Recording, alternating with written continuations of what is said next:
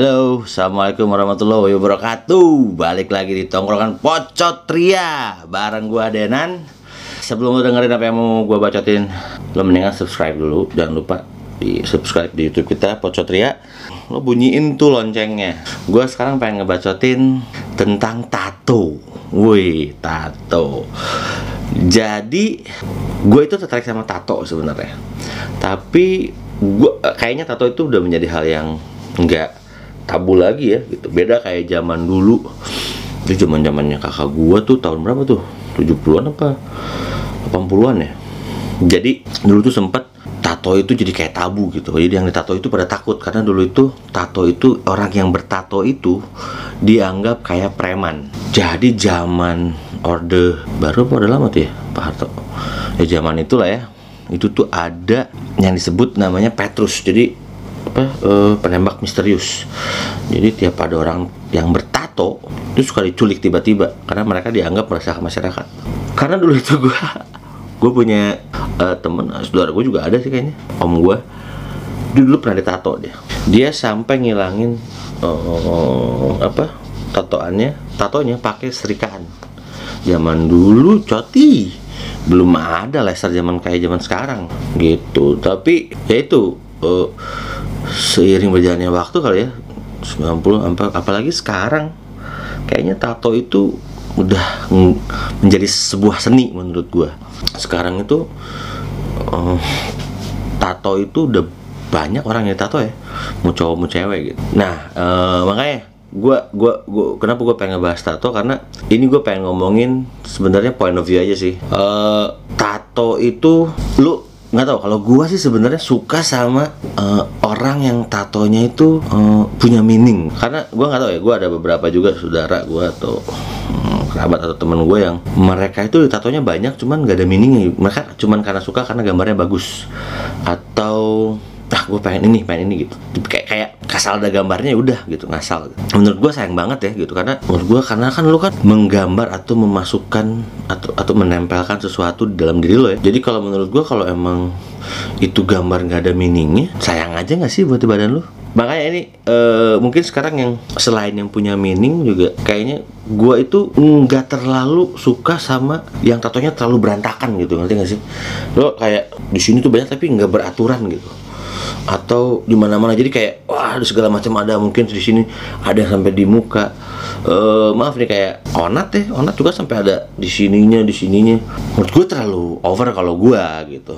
Kalau gue tuh ya seneng yang simple yang gak terlalu banyak dan gak terlalu berantakan sih kalau gua. Tapi kalau misalkan kayak lo lihat kayak orang-orang yakuza di Jepang tuh buset man itu tatonya keren-keren sih. Walaupun dia full sebadan tapi kayak gambarnya tuh nggak nggak ngasal gitu loh. Dan keren aja gitu kayak wah kalau kita lah buka baju tuh kayak dia tuh kayak pakai baju tapi padahal itu tato semua gitu. Dan semua itu karena mereka itu ditato itu ditato itu nggak nggak ngasal ya. Jadi setiap gambar atau warna yang mereka simpan di badannya itu itu ada meaningnya tersendiri gitu. Gitu. Nah cuman gua selain yang kayak yakuza gitu ya gue sih seneng yang simpel-simpel ya. Dia tatonya cuman di sini doang sebelah kiri tapi gambarnya juga cakep keren gitu. Atau mungkin hanya di punggungnya doang gitu atau cuman di tangan doang.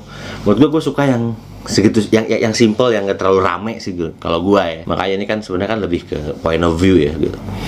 Nah terus kalau gua walaupun gua mau ditato entarnya ya gue sih kayaknya nggak nggak mau pasang di sesuatu yang terlihat ya. Gue lebih seneng karena menurut gua tato itu kan adalah seni seni yang ya menurut gua ada ada artinya gitu. Jadi gua bakal simpen sih di dalam yang yang nggak orang bisa lihat sih sebenarnya. Kan tapi ada juga orang yang memang buat gaya kan dia pengen kelihatan bahwa anjing gue bertato gitu. Gitu sih cuman nggak tahu sekarang juga kayaknya bisnis tato juga lo makin naik ya. Karena gue lihat banyak banget di Jakarta bertebaran dan gue tahu yang sampai ada yang di STC Senayan kalau nggak salah. Gue lupa namanya apa cuman kalau lo mau tato ditato sama dia lo mesti ngantri sampai bisa sampai enam bulan men. Gila terus eh, ya kayak di mana mana udah banyak ya di Bandung di Bali.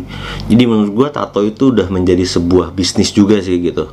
Karena di dalamnya itu nggak cuman eh, orang yang pembuat tatonya tato artisnya tapi ternyata tato itu menciptakan sebuah bisnis yang baru gitu peluang bisnis. Karena di dalam itu ada aftercare-nya. Jadi aftercare buat eh, supaya ketika lo baru tato biar cepet healing gitu atau biar kayak yang bisa ngebikin tato lo tetap berwarna yang bagus segala macem gitu. Jadi ada bisnis juga gitu yang diberikan sama si tato-tato ini selain si tato artisnya gitu. Jadi ada aftercare banyak sih dan uh, tinta tato tato itu sendiri dan barang-barang jarum suntiknya juga kan karena kan setiap lo nato itu nggak bisa lo pakai lagi. Karena itu harus lo langsung lo buang gitu. udah nggak steril aja gitu. Karena kan itu kan mm, masuk ke dalam badan lo darah gitu. Gitu. Jadi sebenarnya sekarang itu udah menjadi uh, sesuatu yang besar ya tato gitu.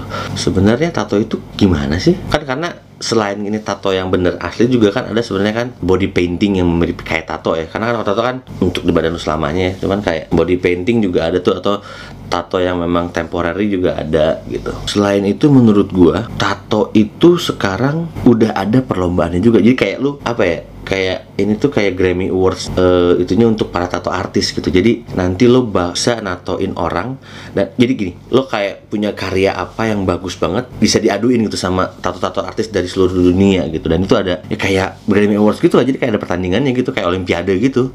Tapi lo bakal compete sama tato artis tato artis di seluruh dunia gitu. Wah itu sih gila sih keren-keren sih. Uh, terus dan jangan salah ya, sebenarnya tato juga ada beberapa banyak uh, seninya juga. Jadi kalau yang di Jepang itu dia tuh kayak pakai sisir. Jadi bukan pakai kayak jarum tato yang sekarang modern gitu. Jadi kayak bukan sisir apa ya? Jarum itu kayak banyak gitu kayak sisir gitu. Jadi kayak cek cek cek cek cek, cek gitu. Uh, dan di kita juga ada tuh dari Kalimantan sama Sumatera ya gue lupa di pahat gitu tatonya. Wah itu sakit banget belum lagi kayak di Australia atau di Hawaii juga itu punya cara-cara tersendiri. Tadi balik lagi ke yang kenapa sih kok tato itu gimana sih? Kan itu kan pasti sakit ya karena kan lo ada jarum yang lo tusuk-tusukin ke badan lo gitu. Jadi sebenarnya tato itu adalah memang tato itu seperti kayak melukai kulit lo sendiri sih sebenarnya. Karena dia itu untuk me menempelkan warnanya kulit lo itu sebenarnya di disakitin di, di, dilukain sih sebenarnya. Uh, cuman dari luka itu kan nanti luka bakal sembuh kan. Nah itu jadi warnanya tuh jadi nempel di kulit lo gitu.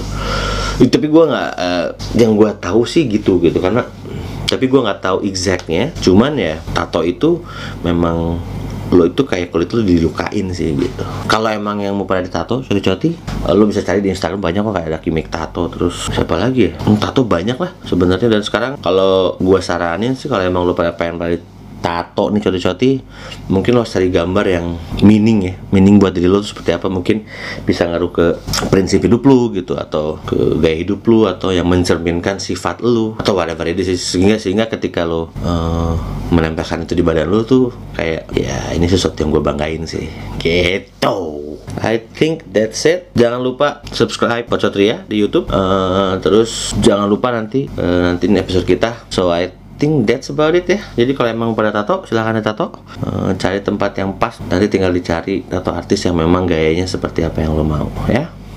Oke okay. gitu kali ya coti-coti. Sampai ketemu lagi di episode berikutnya. So bye